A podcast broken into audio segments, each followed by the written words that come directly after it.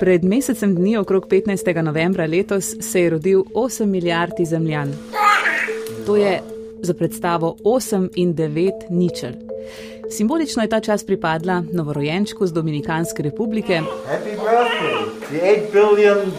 Čeprav seveda nihče ne ve povsem natančno, koliko ljudi je vsak trenutek na svetu. Matej, kako zanesljive so te ocene? Dejansko govorimo o ocenah, ampak za potrebe razmislekov, ki bova imela mi dva danes in pa podobnih debat, so te ocene zelo natančne. Dovolj natančne, da se ne moremo izgovarjati na njihovo morebitno nezanesljivost. Torej, 8 milijard številka drži. Okrogli menik v resnici pomeni le, da je bilo 15. novembra prvikrat v zgodovini na svetu 8 milijard živih ljudi hkrati. Matej, enkrat smo na elektronski naslov frekvence X dobili vprašanje, koliko ljudi pa je pravzaprav že skupno živelo na našem planetu. Kakšen je ta seštevek? Tako, če se omejiva na anatomsko sodobnega človeka, ki obstaja recimo temu 200 tisoč let in je podoben nam, je bilo takih ljudi približno 110 milijard. Aha, 110 in 9 ničel. In če pomisliva, niti ni tako nenavadno, ali imaš več mrtvih ali živih sorodnikov. No, pustiva morbidnost ob strani, ne? ampak v bistvu to je še malo, ne? ta 110 milijard uh, velika številka ne? v primerjavi s številom zvest v vesolju. Ravno zadnjič sem pobrskala, da jih je več milijard trilijonov kar je res ogromno in nepredstavljivo. Ampak, če se vrnemo k demografiji, res pa je, da v bistvu še nikoli v zgodovini ta naš človeški rod ni bil tako številčen. Še nikoli ni v istem trenutku živelo toliko ljudi, ki so potrebovali hrano, vodo, bivališče, zdravstvo, izobrazbo, delo in dostojno plačilo. Skratka, neko svoje mesto pod soncem. Kakšna bo prihodnost zaradi številčnosti človeške vrste, bomo raziskovali v današnji frekvenci X, v demografijo sedanjega in prihodnjega sveta se za vas potapljava Maja Ratej in naš strokovni sodelavec dr. Matej Huš z Kemijskega inštituta. Matej, dobrodošel med nami. Lep pozdrav, Maja. Frekvenca X. Radijski laboratorij na valovih znanosti. A začneva z eno uganko. Dajva. Ko sem se rodila jaz, je bilo na svetu 4,8 milijarde ljudi. Ko sem se rodil jaz, tako pravi Wikipedija, nas je bilo približno 5,1 milijarde. In zdaj, koliko sva stara? Kako pa smo prišli do teh 8 milijard? Ocene za daljne čase so nezanesljive, a pred 200 tisoč leti je na Zemlji živelo od 100 do 300 tisoč ljudi, torej ne več kot v današnji Ljubljani. Da smo dosegli prvi milijon, je moralo preteči 190 tisoč let. Ljudje so se ukvarjali z lovom in nabiralništvom, zato je bila rast prebivalstva izjemno počasna, manj kot promil odstotka na leto. Šele ko so na rodovitnem polmesecu pred 12 tisoč leti začeli kmetovati, so se ljudje lahko ustalili. Nastajati so začele prve kompleksne družbe in prebivalstvo se je začelo prvič resneje povečevati. Za nadaljevanje zgodbe si moramo zapomniti predvsem dejstvo, da so bile demografske spremembe tedaj posledica sprememb v tehnologiji pridelave oziroma zagotavljanja hrane. Prebivalstvo je še vedno raslo počasi, za nič cela nič pet odstotka na leto, a vendarle kar 50 krat hitreje kot prej. Tako, nič pa ni primerljivo z eksponentno rastjo zadnjih 200 let. Ta je dosegla v nekaterih obdobjih in državah tudi več kot odstotek na leto. In to je zares neverjetno. Leta 1800 je bilo na svetu približno milijarda ljudi.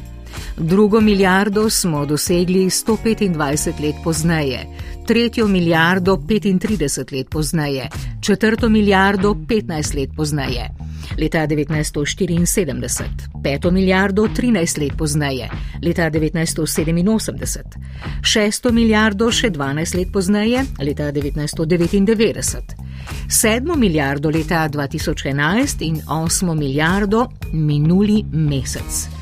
Leta 2050 nas bo že 9,7 milijarde, leta 2100 pa 10,4 milijarde. Matej, kaj pa so tako le ugroben glavni razlogi za številke in pa dinamiko rasti, o kateri smo ravno kar poslušali? Začelo se je seveda s pridelavo hrane, ko smo pred približno 12 tisoč leti na rodovitnem polmesecu, to je na Bližnjem vzhodu, začeli kmetovati. So se ljudje prvikrat ustalili in takrat je število prebivalcev začelo prvikrat malce opazneje naraščati.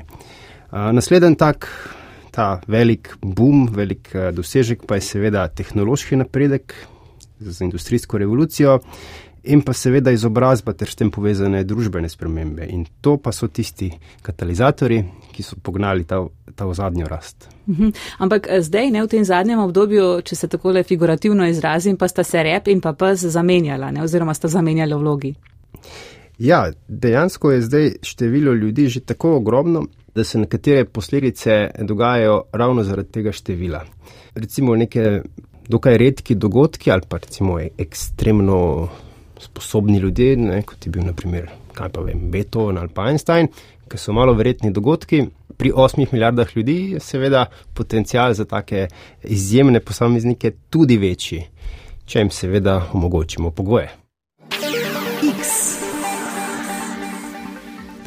Ker je adventni čas pričakovanja dobrega in pozitivnega, se v tej epizodi ne bomo ukvarjali s klasičnimi temami, kot so posledice za okolje in izčrpavanje virov. Vse to je že bilo povedano premnogokrat, zato si bomo pogledali nekatere manj izpostavljene aspekte. Tako je, ozrli se bomo proti številkam, ki nakazujejo te tektonske spremembe, ki se obetajo v prihodnosti. Zato najprej k osnovnemu vprašanju. Kako in kdo pravzaprav šteje ljudi na svetu? 8 milijardi človek se je letos rodil v Dominikanski republiki, 7 milijardi leta 2011 v Bangladešu. Sarajevčan Adnan Mevič je bil leta 1999 6 milijardi človek na svetu. Leta 1986 pa so za 5 milijardega zemljana proglasili v Zagrebu rojenega Mateja Gasparja.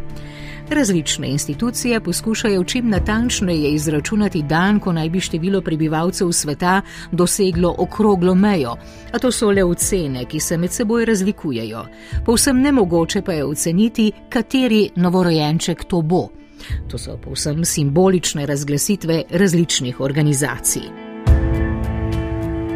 So we consider that November 15th is our best estimate of when the global population is crossing this milestone, but we acknowledge that we don't know for sure the day when this is going to happen, and we think it could easily be plus or minus a year from, from this date. Kot je v prečenju simbolne meje 8 milijard sredi novembra dejal direktor Urada za prebivalstvo pri Združenih narodih John Wilmoth, je 15. november njihova najboljša ocena, ob čemer priznava, da ne vedo natančnega dneva. Prečenje 8 milijard bi se lahko zgodilo tudi leto pred ali za tem datumom. No, in za vprašanjem, kdo in kako računa prebivalstvo, sem se odpravila na statistični urad. Moj sogovornik je bil Martin Bajžel. Ja, globalno se večinoma podatke o številu prebivalcev zbira s popisi prebivalstva. To so še tisti klasični terenski popisi, po katerih smo bili tudi včasih mi precej poznani za umestna obdobja, to se pravi za umestna leta, ker popisi prebivalstva se običajno izvajajo na deset let, se pa potem uporablja podatke vitalnih statistik in pa selitev. Zdaj to pomeni, da prištejemo rojene in priseljene, na drugi strani pa odštejemo umrle in odseljene.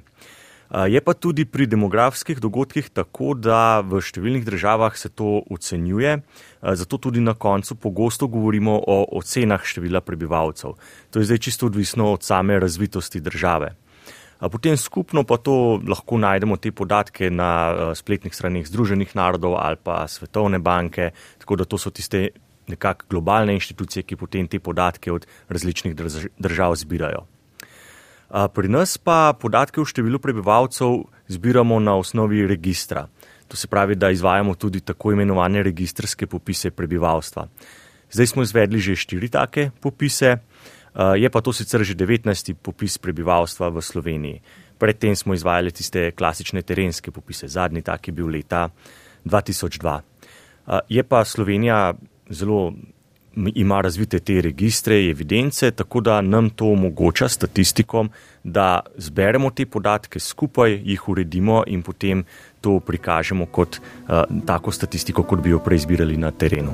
Da ne bo pomote, čeprav nas je na svetu vse več, se številne države soočajo celo z upadom števila prebivalstva. È vero, siamo 8 miliardi, ma um, nel nostro paese, ad esempio in Italia, la crescita è pari a, è pari a zero.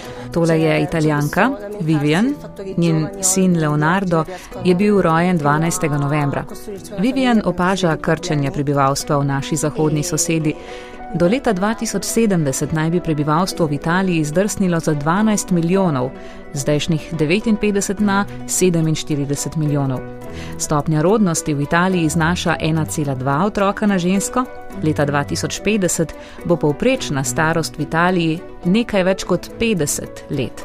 Starejši od 65 let bodo predstavljali 35 odstotkov prebivalstva.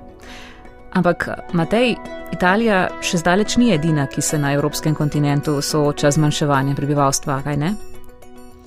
Ja, in te države niti niso tako daleč od nas. Eh, že naša soseda Hrvaška je, naprimer, od eh, leta 1991 pa do danes izgubila eh, skoraj milijon prebivalcev. Takšne države so še recimo Srbija, pa Bolgarija, Romunija, vse baltske države, Belorusija, Ukrajina. Skratka, to so države, odkudar se ljudje očitno bolj izseljujejo, kot priseljujejo. No, prebivalstvo večine vzhodnoevropskih držav je začelo strmo padati leta 1991, ko je razpadel vzhodni blok. To je posledica nizke rodnosti, ki je vseevropski fenomen, poudarja moj tokratni sogovornik, britanski demograf in avtor nedavno izdane knjige The Tomorrow's People oziroma Jutrišnji ljudje, Paul Morland. In the book I talk about um, particularly about Bulgaria. So, where you have a country that's inside the EU, the emigration is facilitated. The people have the right to work in much richer countries. V svoji knjigi govorimo o Bolgariji, ki na neki način predstavlja številne države v Evropski uniji, med katerimi je vzpostavljen prost pretok delovne sile. Pri tem je opazen trend izseljevanja iz držav, kot je Bolgarija, v bolj razvite države unije, medtem ko same za tujo delovno silo niso tako privlačne. In če povežemo visoko izseljevanje, nizko priseljevanje in prav tako tako nizko stopnjo rodnosti, dobimo krčenje prebivalstva. Ta trend je še posebej opazen v baltskih in balkanskih državah. Very low fertility for a long while, and your, your population will wither and is already falling quite fast in some countries, like those of the Baltics or um, parts of the Balkans. Ja, trenutno ima Slovenija nekaj več kot 2 milijona 100 tisoč prebivalcev. In v zadnjih letih se je število prebivalcev povečevalo, predvsem na račun selitvenega prirasta. Kar se pa tiče naravnega prirasta, je bil pa že v predhodnih petih letih zapored negativen. In tudi v letošnjem letu, do kamor imamo zdaj podatke, se pravi, to je za prvih devet mesecev, je naravni prirast negativen.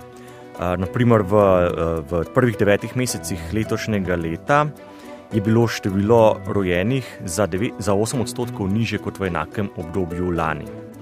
Generacija žensk, ki je trenutno v rodni dobi, je precej majhna in zaradi tega je tudi število rojenih vsako leto toliko manjši.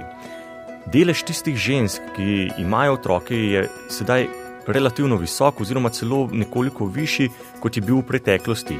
Je pa res to, da tiste ženske, ki pa imajo otroke, jih imajo pa manj, kot pa tiste, ki so jih imele naprimer pred 50 leti. Je pa tudi res to, da se pa ženske vedno kasneje odločajo za otroke. To se pravi, starost matere ob rojstvu prvega otroka se vse čas zvišuje. Kar pa se tiče selitvenega prirasta, je pa pozitiven že od leta 2015. Pri tem pa je treba razločiti to, da če govorimo o selitvenem prirastu tujih državljanov, je ta pozitiven že 23 leto zapored, pri državljanih Slovenije pa je ravno obratno, je pa v skoraj celotnem obdobju ta uh, selitveni prirast negativen. V Evropi je rodnost pod mejo za obnavljanje. Leta 2020 je bila stopnja rodnosti 1,5 otroka na žensko, najnižja 1,13 je na Malti, najvišja 1,83 pa v Franciji. Sogovornik Paul Morland ob tem predstavi tako imenovano Morlandevo trilemo. Kaj je točno to? Um, the examples I use are Japan, Israel, and the United Kingdom. And I talk about three E's egotism, by which I really mean not having. Države, ki jih uporabljam za ponazoritev te trileme, so Japonska, Izrael in Velika Britanija. Pri tem govorim o treh kriterijih: nizki rodnosti, gospodarski rasti in ohranjanju nacionalne identitete. Trilema pomeni, da ne morete imeti vsega hkrati, imate lahko le dvoje od tega.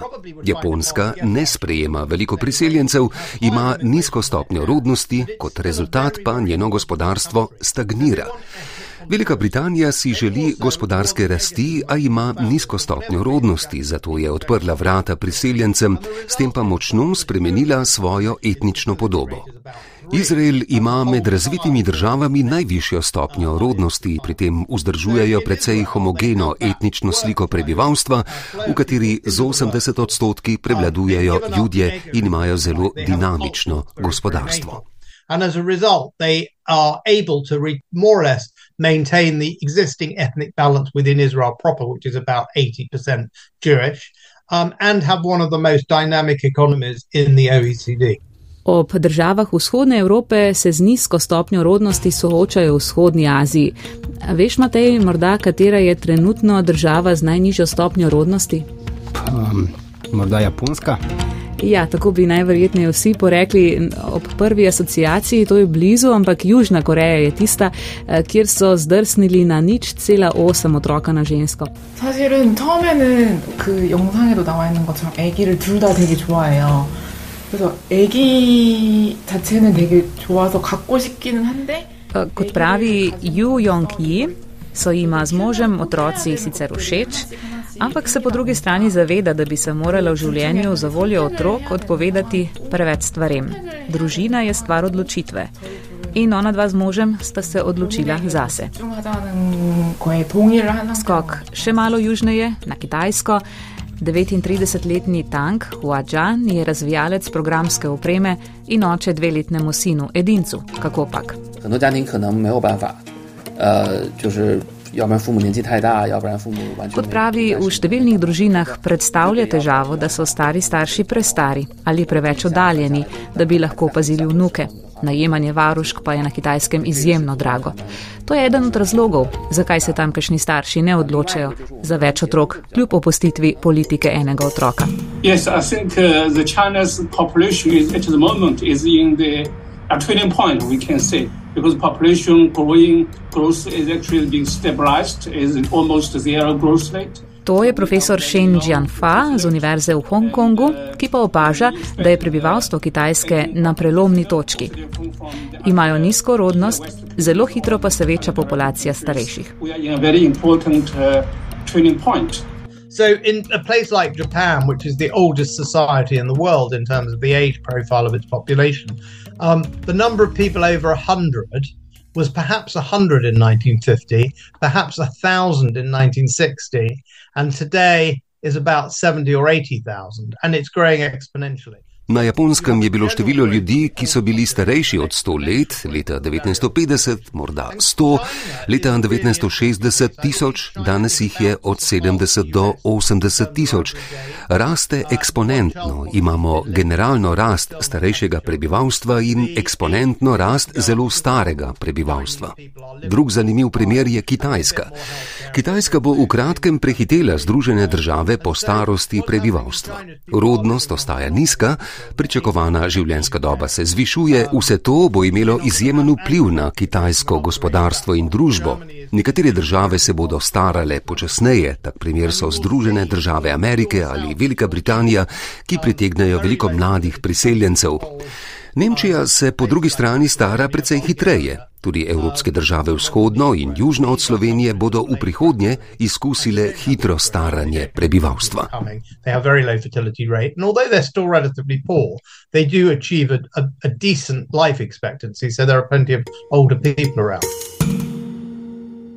Prebivalci Slovenije se staramo, to je sicer značilnost praktično celotne Evrope, ampak eh, naprimer za primerjavo, pred desetimi leti, se pravi v letu 2012, je bila povprečna starost prebivalcev Slovenije 42 let, danes je pa že skoraj 44 let. In v tem obdobju se je delež prebivalcev starih najmanj 65 let povečal z 17 na 21 odstotkov. In ta delež naj bi še naraščal in naj bi se do leta 2100 povečal na 31 odstotkov. Pa še ena zanimiva primerjava je, danes je v Sloveniji malo manj kot 350 prebivalcev, ki so stari najmanj 100 let, to se pravi stoletniki. In število stoletnikov naj bi se do leta 2100 pospelo na 5400. X.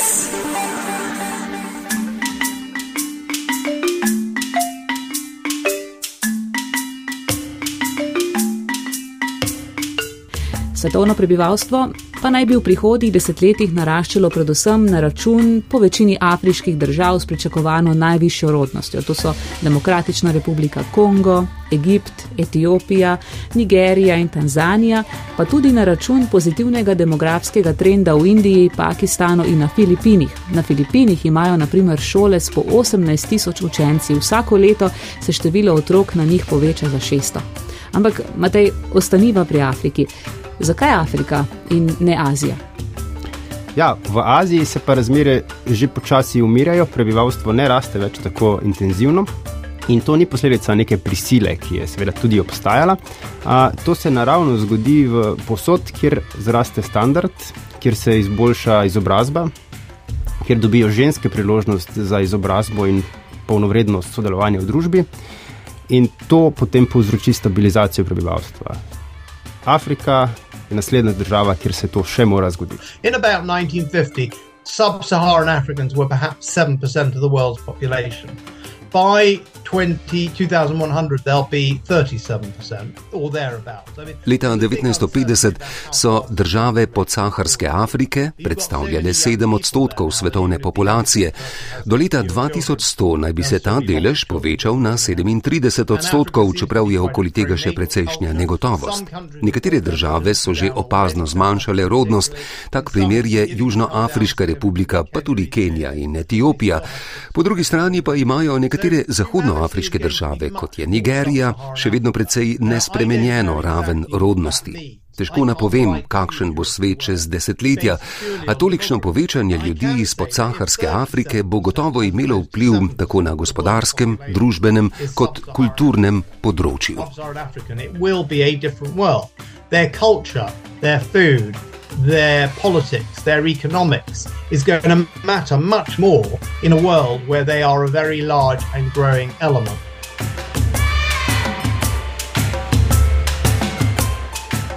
The population of Nigeria, one is as a result of we don't check our growing uh, our growth rates when it comes to population. And another thing is that if you look at the north, they they are they are free to marry as many as four wives. Eunice Azimi je zavarovalniška agentka v Nigeriji. Tam smo se ustavili zdaj.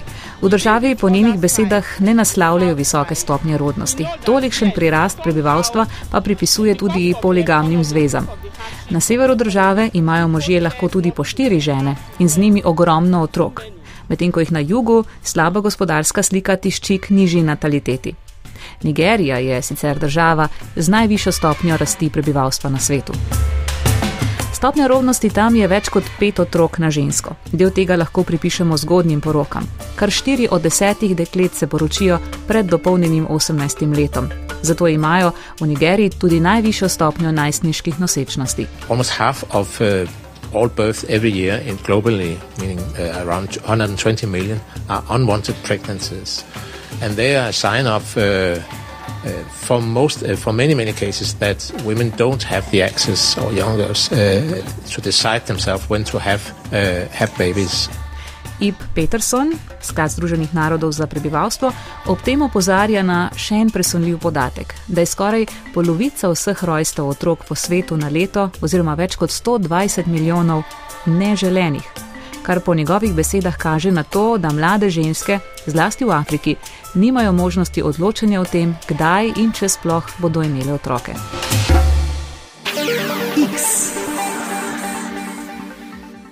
Pri demografski sliki prihodnega sveta bodo svojo vlogo odigrala tudi mesta, izpostavlja Paul Morland, britanski demograf in avtor knjige The Tomorrow's People. Samo na kitajskem, na primer, je trenutno 121 mest z milijonom prebivalcev. In v tem desetletju se jim bo pridružilo še 100 mest. And that number is growing very rapidly. So that's sort of symbolic of the fact that To je vsekakor simbol tega, da prebivalstvo sveta postaja vse bolj urbano. Mesta se povečujejo neposredno zaradi naraščajočega se prebivalstva. Podeželje množice ljudi zaradi narave dela in preživetja tam ne more sprejeti, zato se selijo v mesta in iščejo svojo gospodarsko nišo. Ko se ljudje ocelijo v mesta, se spremenijo z veliko vidikov. Med njimi je tudi ta, da se odločajo za manj otrok, mesta imajo torej nižjo rodnost v primerjavi s podeželjem. So um, we end up with cities like Singapore, but also cities like Calcutta and Addis Ababa, which are still quite poor, but actually have quite low fertility rates. In to ni nov fenomen. Urbanizacija, priseljevanje v mesta, to traja že stoletja, praktično od začetka mest. Se je pa recimo v zadnjem stoletju ali pa v dveh zgodila pomembna razlika. Predtem so ljudje v mestih umirali hitreje, kot so se tam rojevali, zaradi bolezni, eh, kug in podobno, kar, ki so se odlično širili v mestih. No, z razvojem medicine in pa tehnologije pa tega problema ni več in sedaj se pa že mesta sama po sebi obnavljajo, bi, bi rekel, in pa seveda priseljevanje je še vedno uh, močen ali pa če dalje močnejši trend.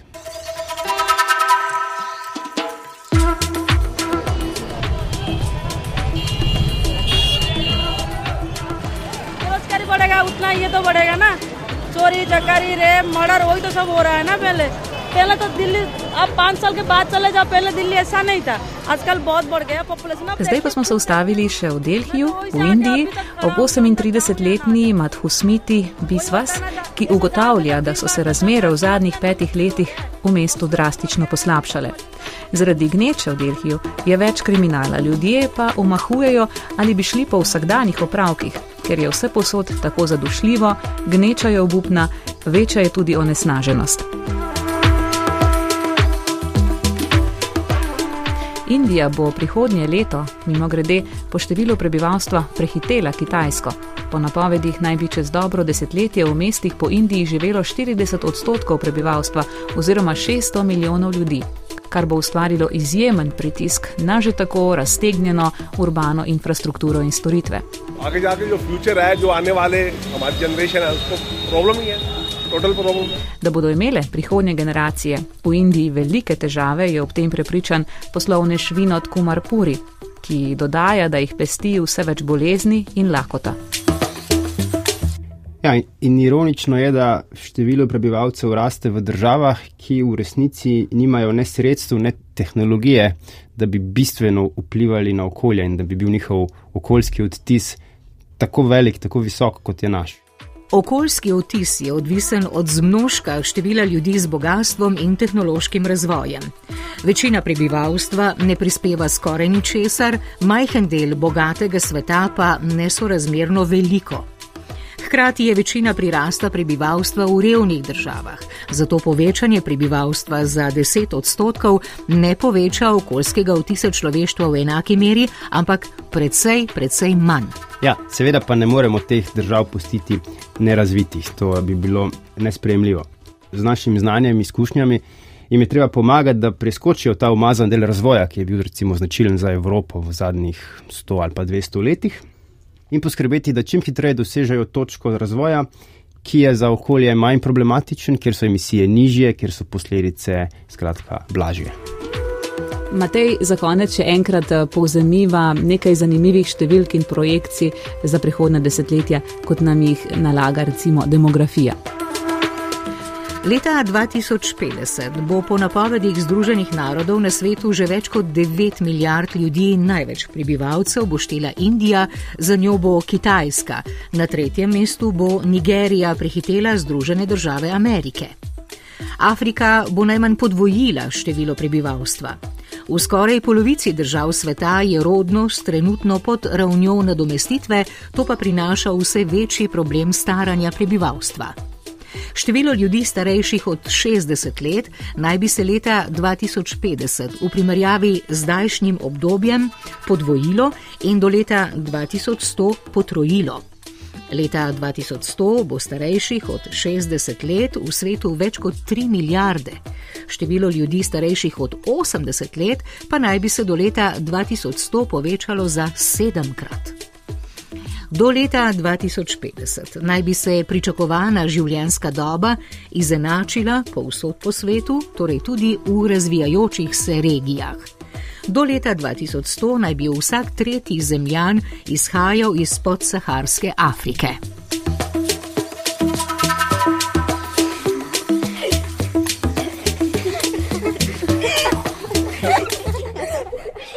Ob vseh teh dejstvih, ne, ki smo jih ravno kar slišali, me spreleti, kako je lahko svet danes boljši, kot je bil kadarkoli. To mi ne gre v glavo. Ne. Zlasti med mladimi ne, opažam precej veliko negotovosti in tudi pesimizma. A si ti pesimist? Ne, nisem pesimist, jaz sem optimist in sem pripričan, da bomo tudi uh, težave ali pa izzive, če tako hočeva, nekako rešili in poskrbeli za boljši svet, še boljši kot je danes. Kateri pa so, na primer, kazalniki, ki, ki so danes na recimo rekordno ugodnih uh, ravneh? Ja, to je zanimivo. Ne? Ponavadi vidimo stvari, ki so slabe, ampak če pa stopimo korak nazaj, pa pogledamo tako res globalno, ne?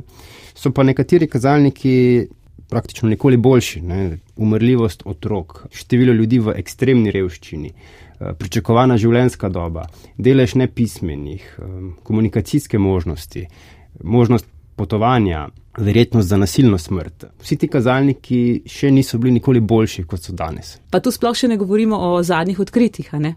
Ja, odkritja kot so genske tehnologije, satelitski internet, obnovljivi viri energije, vse to so že danes dejstva, ki trkajo na vrata in imajo potencial, da nam še izboljšajo svet.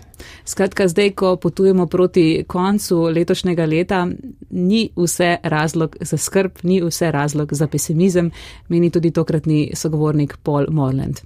71% of Bangladeshi women are literate. It was perhaps 20% when Bangladesh got its independence in a very genocidal war with uh, Pakistan in the early 70s. V svoji knjigi omenjam številko 71. Tolikšen delež žensk v Bangladešu je danes pismenih. Še pred 50 leti jih je brala in pisala le petina. Vse več ljudi se izobražuje, v svet ne prispevajo več le para delovnih rok, ampak tudi možgane. Prvič v zgodovini je tolikšno rekordno število ljudi na poziciji, da lahko intelektualno prispevajo k razvoju sveta. Na kitajskem gre na univerze polovica današnjih mladih generacij, potem ko je bil ta delež v 80-ih letih skoraj ničen. Doslej smo govorili le o kvantitativnem povečevanju prebivalstva, odslej lahko govorimo tudi o kvalitativnem.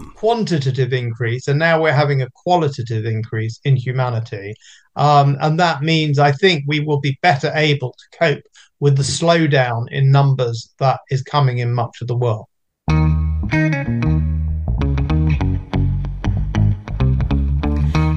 Ja, vse to so objektivni kazalniki, ki kažejo, da svetom ni čisto vse narobene. Vseeno pa to ne pomeni, da ne more biti boljši. In naša naloga je, da to storimo. Matej, hvala, ker si se mi pridružil pri snovanju te oddaje in pokazal, da ni treba, da smo politični, ko razpravljamo o demografiji. Rodnost in migracije bodo namreč vsekakor zaznamovali prihodnja desetletja in so stvar nas vseh.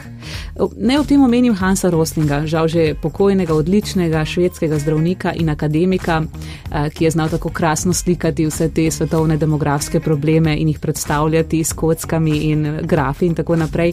No, nekoč je dejal, da je pin številka sodobnega sveta 1114 kar pomeni, da na njem živi približno milijarda američanov, milijarda evropejcev, milijarda afričanov in 4 milijarde azicev. No, pin številka sveta leta 2050 pa bo nekoliko drugačna, ne bo več 1114, ampak bo 1145. Kar pomeni milijarda američanov, milijarda evropejcev, 4 milijarde afričanov in 5 milijard azicev. Svet bo leta 2050 ali še bolj leta 2080 demografsko zelo spremenjen, glede na današnjega. Zato je zelo pomembno, da se o teh temah pogovarjamo in jih ne puščamo v nemilosti populizmov v politiki. In temu Maja lahko samo pritrdim. hvala za vabilo v tokratno oddajo.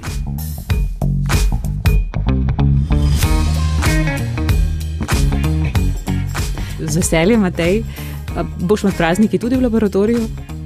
Ja, zagotovo ne vse čas. Um, Prejšnji teden smo tudi laboratorije in pisarne malce okrasili. Postavili smo lučke, postavili smo smrekco, tako da bi bilo škoda, če bi to vse čas samevalo. Kaj pa frekvenca? Gre tudi frekvenca na počitnice? Ja, ne še čisto. Tudi na zadnji četrtek leto bomo z vami, bomo pridni in bomo aktivni. Namreč na iztekajoče se leto in na tisto, ki prihaja, bomo pogledali v družbi letošnjih Cojzovih in pa Puhovih nagrajencev. Kdo so to, pa zdaj le še ne smem povedati, ker je še skrivnost. Pozdrav, torej do naslednjič. In srečno.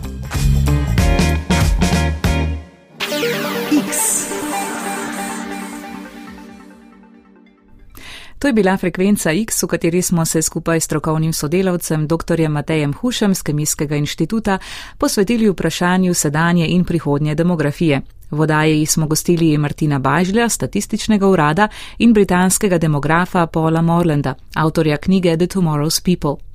Brala sta Igor Velše in Lidija Hartmann. Če vam je bila epizoda všeč, vabljeni, da nas priporočite naprej, se naročite na naš podcast ali se nam pridružite na Twitterju, kjer smo Frekvenca X oziroma v naši Facebook skupini Frekvenca X. Z vami sem bila Maja Ratej.